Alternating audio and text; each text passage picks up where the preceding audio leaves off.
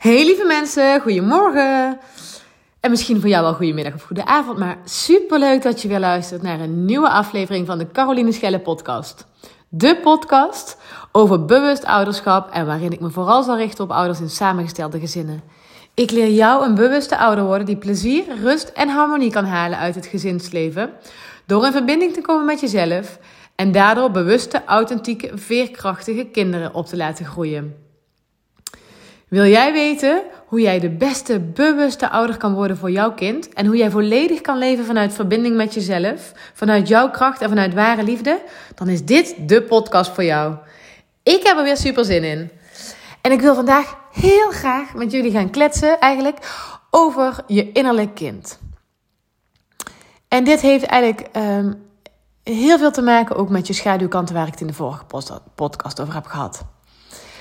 Ooit waren wij allemaal kinderen, maar wij groeiden op en wij gingen eruit zien als volwassenen. En uh, zogenaamd zijn wij nu die perfecte, verantwoordelijke volwassenen. Zo ziet het er altijd uit vanuit de buitenkant. Maar heel soms, dan popt ook het kindje in jou wel weer eens omhoog. Ik merkte bijvoorbeeld altijd als er, uh, als er sneeuw valt, dan voel ik me echt als een kind zo blij. En dan wil ik de eerste vlokjes voelen en dan wil ik sneeuwballen maken. En um, ook als, er, als ik bepaalde muziek hoor, dan kan mijn lijf eigenlijk niet stil blijven staan. Dan wil ik echt weer gaan dansen alsof ik een kind was.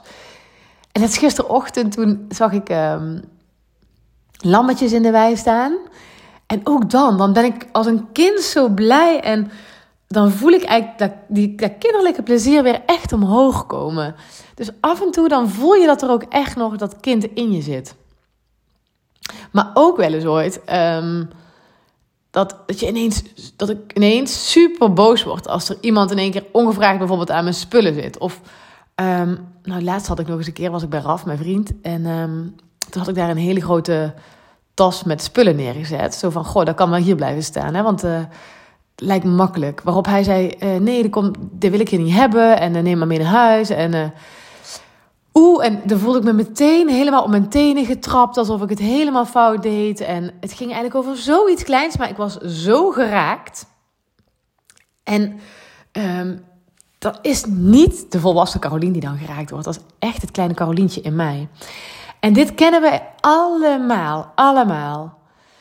Nou heb ik een onveilige jeugd gehad, met echt wel vaak gebrek aan liefde, waardoor eigenlijk mijn kindje mijn innerlijk kindje zich om de haverklap heeft laten zien.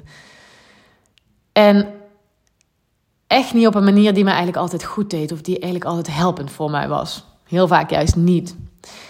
En dit kindje wat in mij zit, maar ook jij hebt zo'n kindje, dat noemen we je innerlijk kind. Het is eigenlijk het kindje wat je ooit was en wat nog altijd in jou leeft. Het is eigenlijk het kindje in jou die met de creativiteit, met het enthousiasme, maar ook tevens het kindje wat vroeger veel emoties heeft gehad die hij heeft onderdrukt of die hij heeft weggestopt. En daardoor is het ook een gewond kindje geworden. Een kindje met wonden. Een kindje die heel veel er niet heeft laten kunnen zijn. Dus de dingen waar jij als kind van hebt geleerd, hè, zoals ik in de vorige podcast ook met je vertelde, van er waren altijd wel dingen die je beter maar niet kon voelen.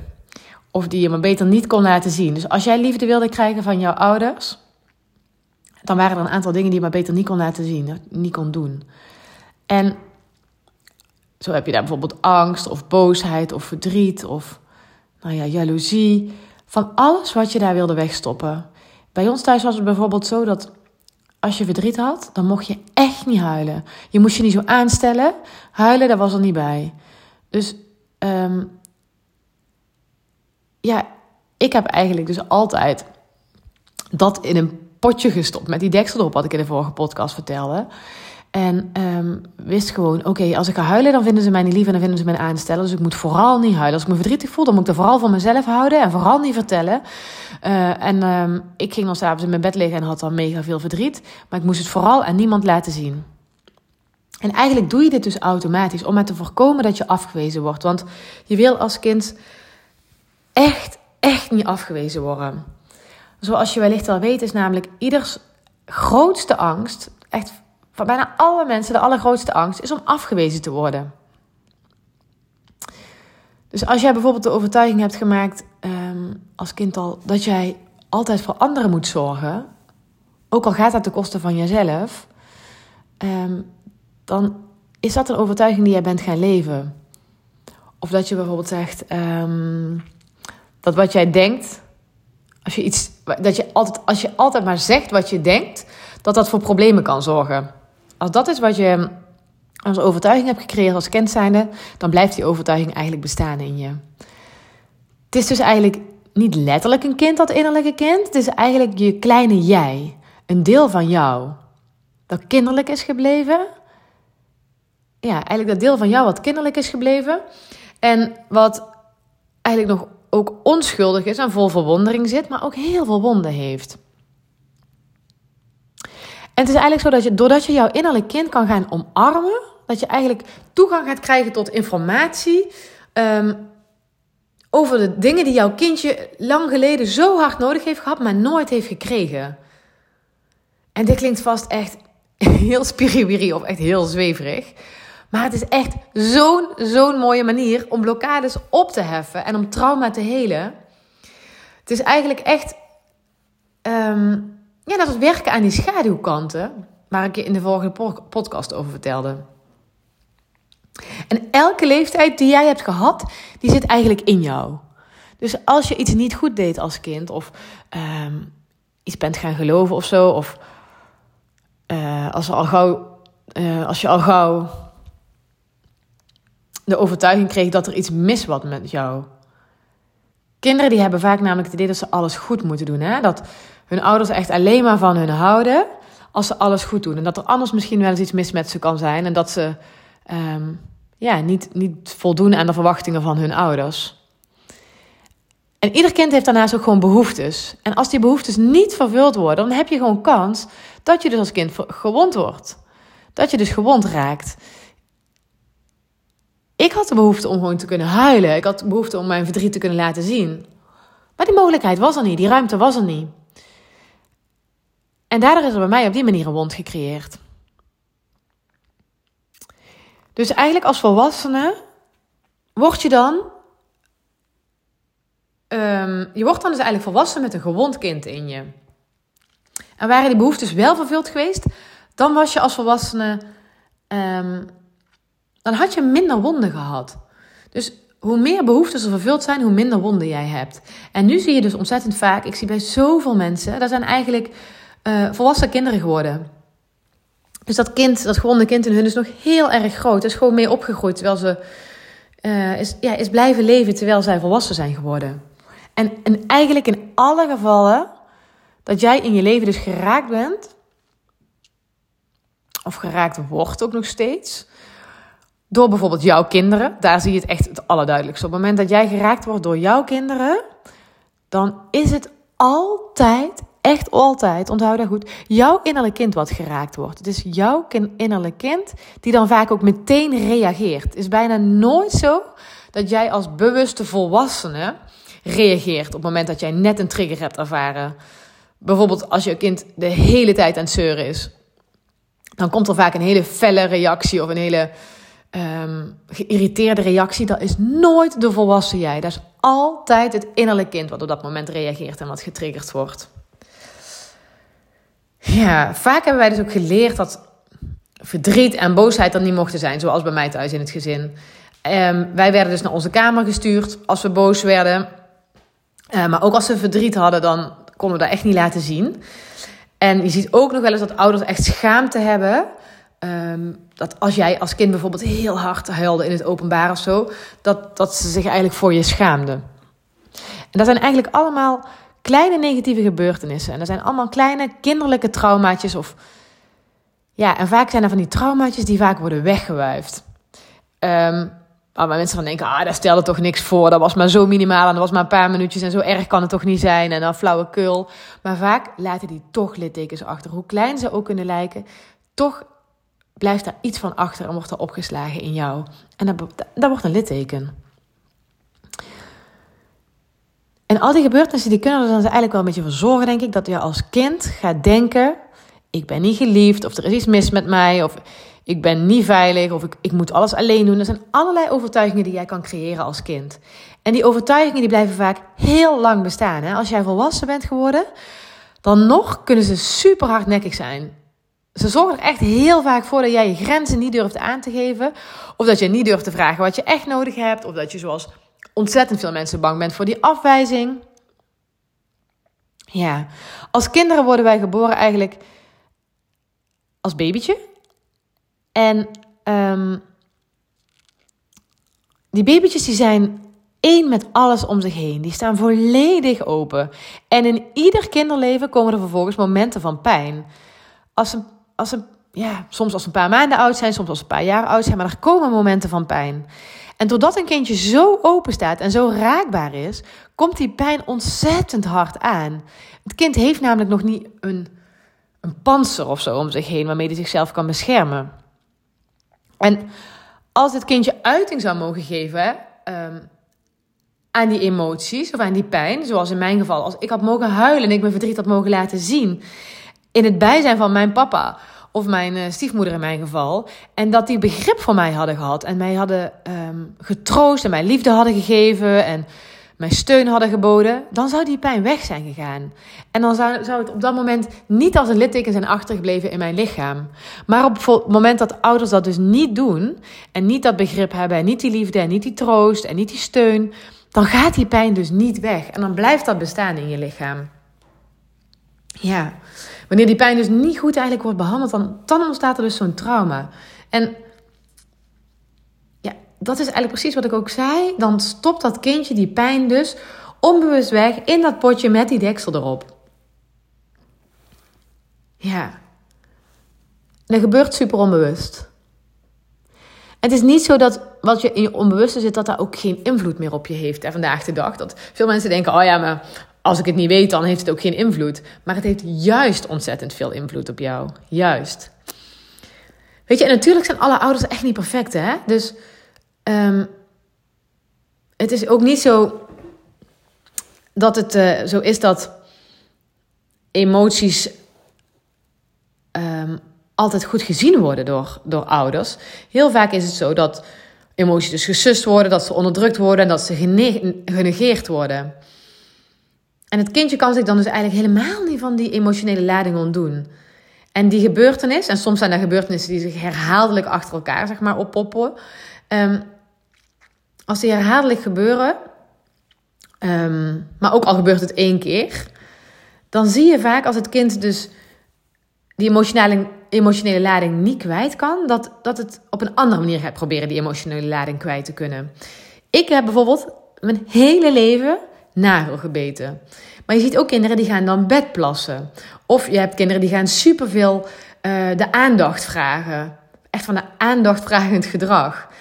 En als het op die manier ook nog steeds niet lukt, zeg maar, om die lading, ja, die emotionele lading te ontladen, eruit te krijgen, ehm, dan zie je dus dat het vast gaat zitten in je systeem. Dan gaat het echt vastzitten in het systeem van het kind.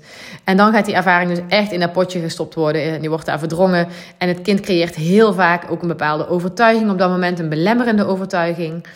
En dan wordt eigenlijk je overlevingsstrategie.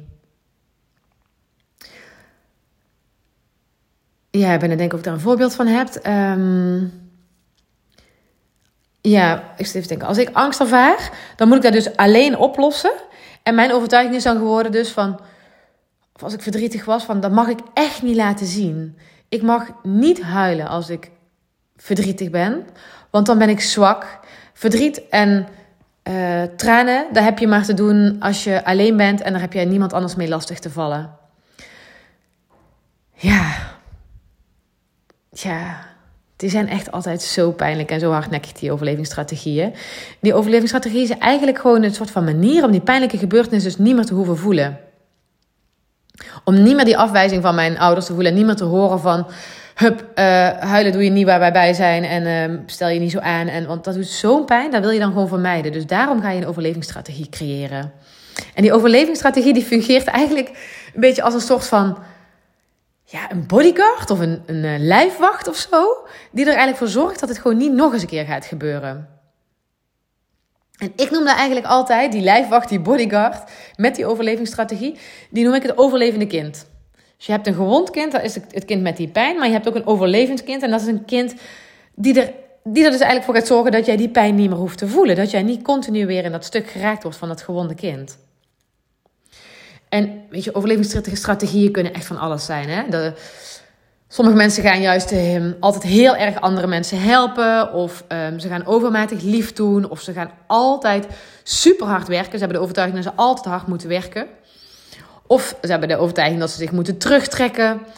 Um, zoals in mijn geval dus ook wel was. Of dat ze zich moeten aanpassen. Of mijn oma bijvoorbeeld, ik weet zeker dat, dat veel mensen dit herkennen. Onze oma bijvoorbeeld, de oma van mijn kinderen dus.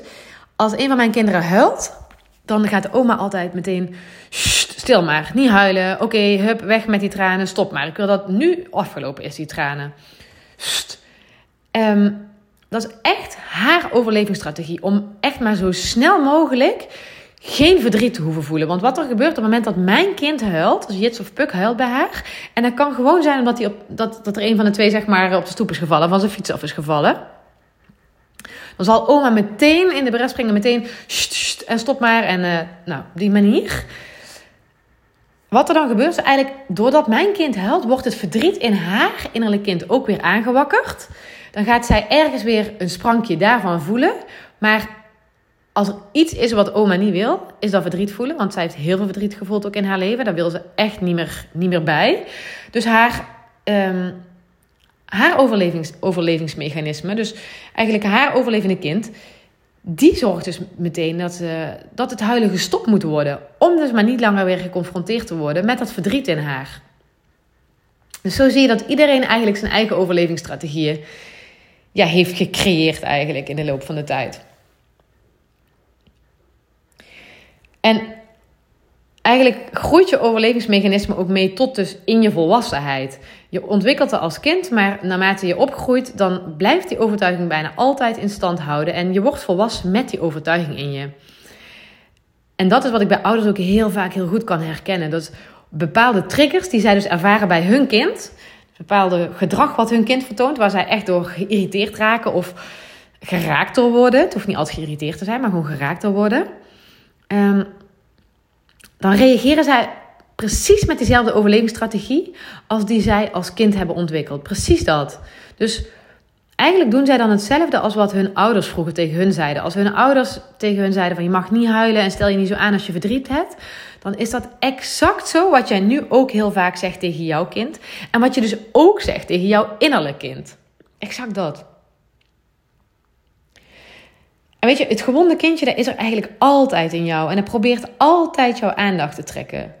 Maar um, wij als volwassenen, die zorgen er eigenlijk voor dat we, dat we dat kindje niet horen of dat we dat kindje niet zien. Want we willen die oude pijn niet voelen. We willen dat vermijden. En daarom sturen we dat kindje eigenlijk steeds zo ver mogelijk weer weg. En ook, anders zorgen we er wel voor als we het niet wegsturen, dat, we, dat wij zeg maar wegrennen ervoor. Dus dat wij maar geen contact maken met dat kind, zodat we die pijn niet hoeven te voelen. En uiteindelijk maakt dat geen einde aan die pijn. Hè? Die pijn die blijft daardoor bestaan in jouw gewonde kind. Want dat gewonde kind dat vraagt om liefde en dat vraagt om aandacht. Maar heel vaak doen wij dus het tegenovergestelde en gaan wij dus echt nooit die verbinding aan met dat innerlijke kind, met dat gewonde kind. Maar blijven wij maar wegrennen voor die gevoel. En ook al hebben we nog zoveel tijd of rust in ons. We maken bijna nooit die verbinding met onszelf. We blijven eigenlijk altijd onszelf maar afleiden om die pijn maar niet opnieuw te hoeven voelen. Omdat dat gewoon te groot is voor ons. Te groot. Um, ik ben even denken, want ik heb daar nog wel echt wel heel veel voorbeelden van ook. Want ik heb dit echt zo vaak meegemaakt dat ik ook gewoon volledig vanuit mijn kind reageerde. En totaal niet vanuit mijn volwassen zelf. Bijvoorbeeld, um, ik weet nog dat Jits heel klein was. En dan gingen we een wandeling maken. En Jits die hield niet, zo van wandelen. Die liep helemaal niet graag. Dan was hij echt een jaar of twee, hè? Drie, ja, zoiets. En dan hadden we een stuk gewandeld en dan wilde hij echt niet meer. En dan zei hij, mama tillen, mama tillen. Nou, ik heb gewoon, dat weten jullie niet, maar ik uh, heb niet heel veel spek op mijn botten. Maar ik heb dus zo'n heel uitstekend heupbot. En wij noemen dat hier altijd het stoeltje. Want Jits die heeft daar ongeveer tot zijn uh, zesde en nog steeds, hij is nu zeven, zit hij daar nog wel ooit op. Op een of andere manier is dat de perfecte plek, zeg maar. Um, om, om op te zitten. En uh, noemen we dat hier altijd het stoeltje. En nog steeds kan hij daarop zitten en kost me dan dus geen enkele kracht om hem te dragen. Uh, maar goed, als klein kind zei hij dus altijd mama tillen, mama tillen. En dan wilde hij op dat stoeltje zitten. Maar heel vaak had ik ook zo van, nee jongen, um, je ligt maar lopen. En anders dan kom je hier in de kinderwagen zitten of in de buggy zitten. En mama gaat niet continu met jou slepen. Um, dus wat er dan gebeurde, ik weet nog echt zo'n moment dat we bij opa en oma waren en dat we een hele wandeling hadden gemaakt. En dan moest hij ook van mij in die buggy gaan zitten, omdat hij echt niet meer wilde lopen. En hij begon te schreeuwen en te krijsen en hij wilde het niet. En ik probeerde hem in die buggy zitten te zetten en hij ging zich volledig overstrekken. Dat ken je misschien wel. Dat je zo dat lichaam, zo'n klein lichaampje zich helemaal stram en strak maakt en zichzelf weer probeert eruit te duwen. Uh, en krijsen en krijsen en hij luisterde maar niet. En ik werd echt ik voelde me echt oh, zo boos worden. Echt zo boos. En ik dacht, jij gaat erin zitten en ik bepaal. En, um, en ik voelde ondertussen ook al die fietsers die langskwamen. Die voelde ik allemaal kijken. En al die wandelaars die langskwamen. En ik dacht ook nog, oh, en zullen opa en oma hier al niet van denken. En de schaamte popte in mij op. De machteloosheid. Um, maar ook, ik had zo echt zo'n sterk gevoel van... ik wil hem in die buggy en hij moet in die buggy. En ik wil het op mijn manier. Ik was de baas. En er was er was echt gewoon geen empathie voor Jits. Helemaal niks. Ik kon me echt op dat moment totaal niet in hem verplaatsen. Wat daar gebeurde was, dus ik zat totaal terug in mijn kindstuk. Totaal. Echt volledig in mijn overlevingsstand. Volledig. Ik wilde volledig die controle over Jits hebben. En vervolgens kwam er ook nog zo'n stemmetje in mijn hoofd die hem dan veroordeelde. Zo van dat hij een irritant kind was op dat moment. Oh, en echt dat is wat die overlevingsstrategie doet. Hè? Die wil die controle proberen te, te behouden. Nou, daar zat ik enorm in op dat moment. En daarna, bij opa en oma thuis weer aangekomen, oh, voelde ik me ontzettend schuldig. Zo schuldig dat ik echt dacht, oh, wat is dit? Ik heb echt nooit gedacht dat ik zoiets zou doen. Vanuit zo'n lelijke energie eigenlijk of zo. En zo kil en zo direct en oef. Ik schrok er gewoon zelf van, waardoor ik echt heel verdrietig en heel schuldig begon te voelen. En ik kwam er dus ook achter dat het dus niet het stuk was van de Caroline wie ik ben, de volwassene mama die ik ben. Totaal niet. Die had daar niet gereageerd in dat moment. Het was echt het stuk, stukje wat diep in mij zat, wat ineens ontploft was als het ware. En in het nu reageerde ik dus echt vanuit die, die basis van die oude wonden uit het verleden. Ja, ik ben zo blij dat ik dat tegenwoordig herken. En dat ik op die manier eigenlijk nagenoeg nooit meer handel als moeder zijnde. En ik weet dat het om me heen heel veel gebeurt. Want vaak zie ik ouders. En um, ja, die hebben totaal niet in de gaten. Het probleem zit nooit bij je kind. En als ik dan tegen ouders vertel hè, van... Jouw kind is niet het probleem. Dan zeggen ze, oh ja, hoezo dan? Nou, wie is dan wel het probleem? Dan worden ze echt wel een beetje bozig op mij eigenlijk. En als ik dan zeg dus van ja, dan ben jij zelf. Dan schrikken ze zich echt kapot. En dan zie ik ze echt wegkijken. En, en ik snap dat ook. Hè. Ik snap het echt als ik dat zeg. Dat jij het probleem bent in de opvoeding van jouw kind. Maar om dit te gaan beseffen. Als je dit beseft je. Dat is echt de eerste stap in bewust ouderschap.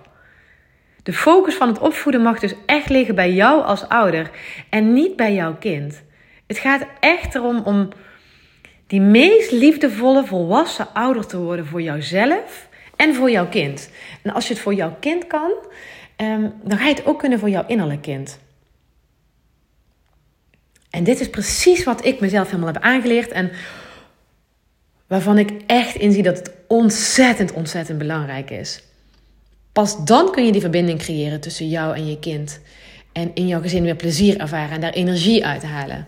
Dus echt ehm, een liefdevolle ouder te worden. Een liefdevolle ouder is eigenlijk een soort van beste variant van, van de mens die er bestaat.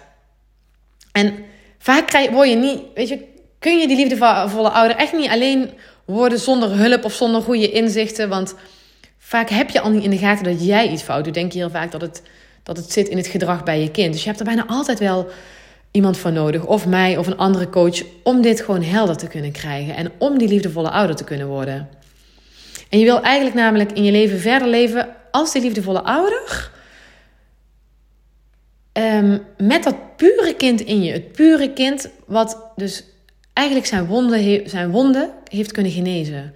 En als liefdevolle ouder reageer je eigenlijk altijd zonder oordeel. En je geeft erkenning. En je hebt begrip. En je steunt je kind. En je troost je kind. En je hebt compassie. En daardoor verdwijnt die lading van dat gewonde kind. En daardoor verdwijnt ook die lading bij jouw echte kind. En, en ook het oordeel is dan daar meteen vanaf. Je hebt geen oordeel meer. En weet je, soms dan heb je wel eens een liefdevolle ouder in je. Want het is echt niet zo dat je die nooit in je hebt. Maar dan is het bijna altijd voor anderen.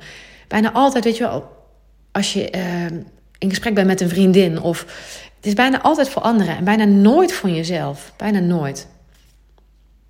Tegen je vrienden kan je wel eens ooit vanuit die liefdevolle ouder praten. Ja, en zeg je wel eens: Oh, Helma, laat die tranen maar stromen. En laat het er allemaal maar uitkomen. Maar bij jezelf doe je dat bijna nooit. Bijna nooit. Ja, en juist dat is zo belangrijk om die oude emoties, dus van dat gewonde kind die je in je hebt, om die weer te gaan voelen. En daar bewust van te gaan worden, welke dat zijn.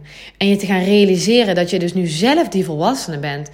Die echt zichzelf die liefde en die steun kan geven die je als kind zo gemist hebt. Als kind heb jij behoefte gehad aan, aan weet je, zo'n je ideale ouder die er altijd voor je was en die je altijd die erkenning had en die liefde en die steun. Maar die, Bijna niemand heeft die ouder gehad, bijna niemand. Maar weet dus dat jij die ouder echt kan zijn voor jezelf nu je volwassen bent. Want echt gaan zorgen voor een kindje dat. Voor het, ja, het kindje dat jij ooit was, dat heeft zo'n fantastisch resultaat. Zo'n fantastisch resultaat. Er komt zoveel compassie vrij als jij je herinnert dat er een kindje in jou zit. Dat gewoon liefdevolle aandacht nodig heeft. En dat is echt precies wat je kind gaat helen. Precies. En wat jou dus als mens gaat helen. En een geheeld kind wil vanzelf weer naar buiten treden. Wil vanzelf weer zich verbinden en op zoek gaan naar het plezier in het leven. En die wordt weer creatief. Die creatieve energie die gaat weer stromen. Die levensenergie. Die is weer echt gewoon een nieuwe bron van energie en van groei en van vitaliteit. Dus het is zo, zo ontzettend waardevol. En hoe weet jij nou of je een gewond kind in je hebt? Als jij geraakt wordt door, wat ik al zei, door het gedrag of het kan soms ook door een, gewoonte, weet je, zoals wat ik net zei, in bed plassen of het nagels bijten of een, of een ziekte soms van je kind. Je hebt kinderen ook die um, een soort astmatische klachten hebben, die altijd maar blijven hoesten of zo. Als jij geraakt wordt door iets van jouw kind, dan weet je eigenlijk altijd dat er een gewond kind in jou zit. En weet je, het kan ook zo zijn dat je geraakt wordt door je partner, of door je ouders, of door een andere situatie uh, die je meemaakt met iemand. Maar je kind is daar echt de meest fantastische spiegel eigenlijk in. Dus op het moment dat er bepaalde boosheid of verdriet bij jou opkomt, of je wordt bang, er komt een angst, of je voelt irritatie, of je voelt schuld, of als het zoiets bij je oproept, bijna, en je bijna instinctmatig eigenlijk reageert. Hè? Dat je bijna gewoon vanuit je instinct direct reageert. Je hebt dan eigenlijk haast geen controle over je gedachten, over je gevoel of over je gedrag. Soms is het gewoon ja, in één keer dat het eruit popt, eruit knalt. En heel vaak zie je ook dat die reactie soms een beetje een soort van kinderachtig of zo is. En dan weet je eigenlijk altijd: oh fuck, hier ben ik weer aan het reageren vanuit mijn gewonde kind. Er zit echt een gewond kind in mij. Ja. Ik moet um, denken even. Ja. En een klant van mij ook. Als haar, ja, ik moet even denken. Als haar kindje zei: ja, ik moet aan een kinderachtige denken. Als haar dochter, ik had een klant een tijdje terug in behandeling, superleuk. En zij vertelde mij, um, haar dochter was een kind wat altijd nee zei. En zij had het gevoel dat haar eh, dochter echt zo'n prinses was. Prinses was die alles, um, die wilde dat alles voor haar gedaan werd. En dochter zei ze altijd van nee, dat doe ik niet, dat doe ik niet. En die ouder die reageerde dan, die mama die reageerde dan heel vaak van nou, dan doe ik dat lekker ook niet. Omdat jij altijd nee zegt, ga ik ook lekker nee zeggen. En, en dat is precies zo'n kinderachtige reactie die dan dus heel vaak uh, ontstaat. En dan weet je gewoon dat het niet de volwassen, volwassen, liefdevolle ouder is die aan het woord is, maar dat het echt het gewonde kind is wat aan zet is op dat moment. En vaak heb je dan vaak ook uh, later spijt van je reactie, van hoe je reageerde. En je neemt het vaak dan ook jezelf voor. Van, oh, de volgende keer ga ik dit echt anders doen. De volgende keer ga ik niet meer op deze manier reageren. Maar echt, als die situatie zich weer opnieuw voordoet, voordoet dan reageer jij weer precies hetzelfde.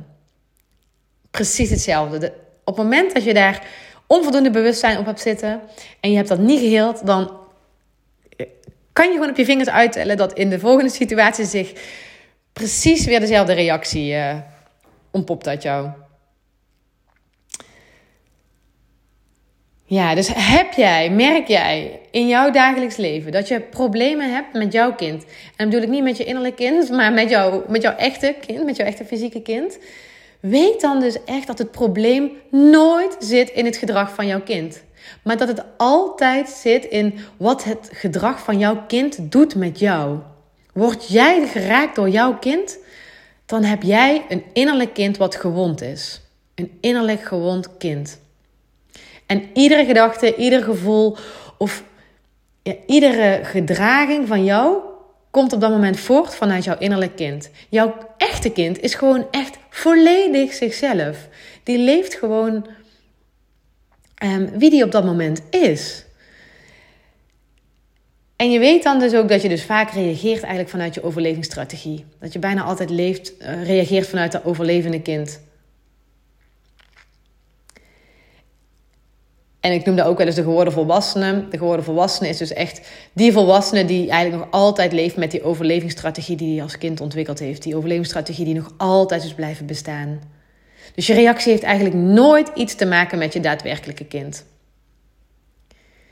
En je reageert dus op zo'n moment echt totaal niet vanuit die liefdevolle volwassene. Totaal niet. Dus besef je goed dat het gedrag, het bedplassen of wat dan ook van jouw kind... Hè, altijd te maken heeft met jouw innerlijk kind omdat jij daardoor geraakt wordt.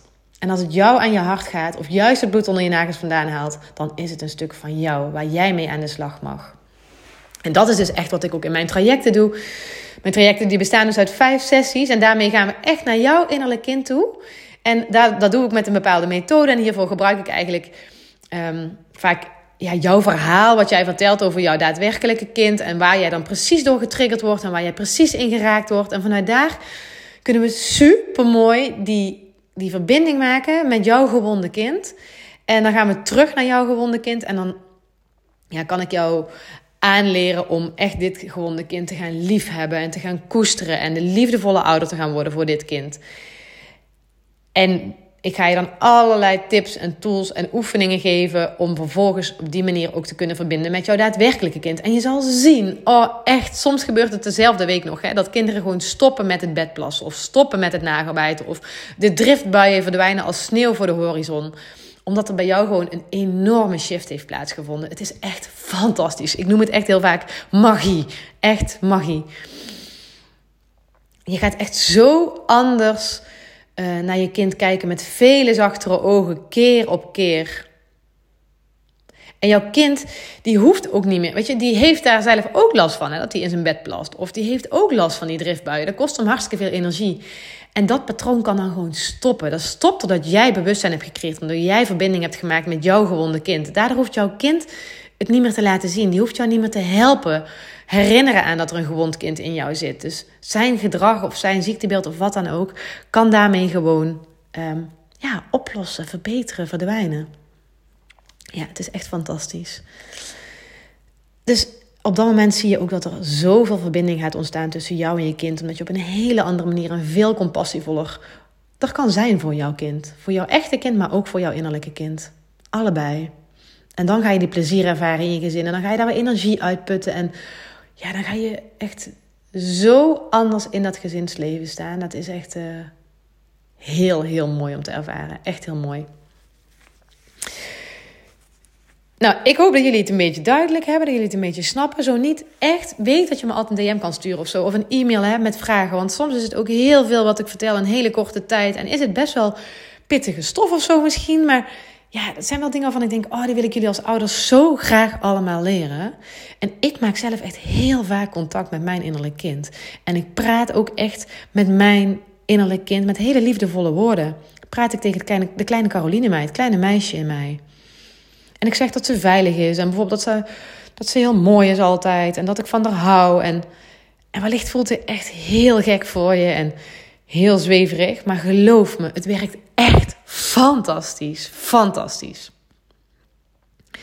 Een tip die ik je daar misschien nog wel in mee kan geven. Als je nou denkt, nou, ik vind het wel echt interessant. Ik wil hier toch wel echt iets mee. Ehm, en je wil alvast een klein beginnetje maken. Wat je kan doen. Ik heb boven mijn bed altijd een foto staan van Caroline die ik was toen ik vier jaar oud was. Dus er hangt er gewoon een, een, een of staat een uh, kinderfoto van mij toen ik vier was. Dat is voor jou ook super mooi. Om gewoon eens een foto op te gaan zoeken van jou toen jij een klein kind was, van een jaar of vier, vijf. En um, of hang die ergens op, of zet die ergens neer, of zet die op de achtergrond van je telefoon. En ga gewoon alles regelmatig even kijken naar dat kindje. En even contact maken met dat kindje. En gewoon eens even zien van, oh, hoe mooi is dat kindje eigenlijk? En hoe liefdevol en hoe onschuldig.